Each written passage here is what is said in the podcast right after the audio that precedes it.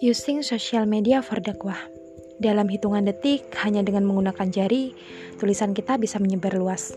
Sayyidku pernah mengatakan, satu peluru hanya mampu menembus satu kepala, tapi satu tulisan mampu menembus ribuan bahkan jutaan kepala.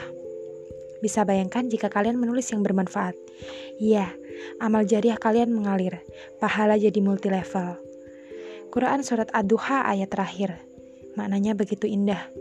Seandainya engkau merasakan nikmat yang datang dari Tuhanmu itu sampaikan. Nikmatnya sholat, nikmatnya hijrah, nikmatnya beribadah, nikmatnya berhijab, nikmatnya baca Quran, dakwahkan semampu kita lewat sosial media yang kita miliki.